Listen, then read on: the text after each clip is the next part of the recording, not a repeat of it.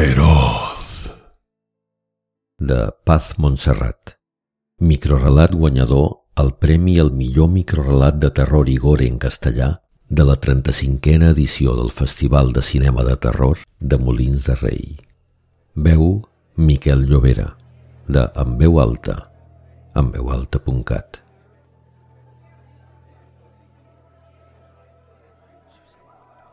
En el pueblo no se habla de otra cosa que de la preocupante plaga de caperucitas que asola nuestros bosques.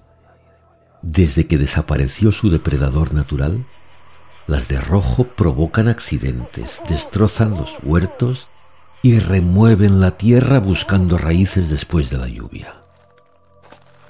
Por las noches merodean por los polígonos industriales y se acercan a los límites de la ciudad para hurgar en los contenedores de basura.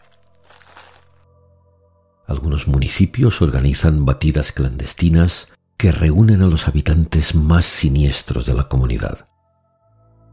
Cada vez que los ecologistas proponen reintroducir el lobo ibérico, los ganaderos salen a la calle con escopetas y garrotes. Mientras tanto, ellas deambulan en pequeños grupos, con la mirada alucinada y mostrando una maraña de pelo color miel bajo sus harapientas caperuzas. Si se las acorrala cuando van con sus crías, esas deliciosas y pálidas criaturas se revuelven y atacan con ferocidad. En el bar yo no me pronuncio sobre el asunto, pero estoy haciendo mucho más que todos esos charlatanes para solucionar el problema.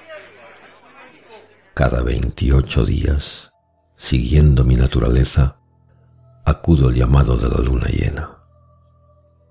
Me muerdo el aullido que sale de mis entrañas y salgo de cacería.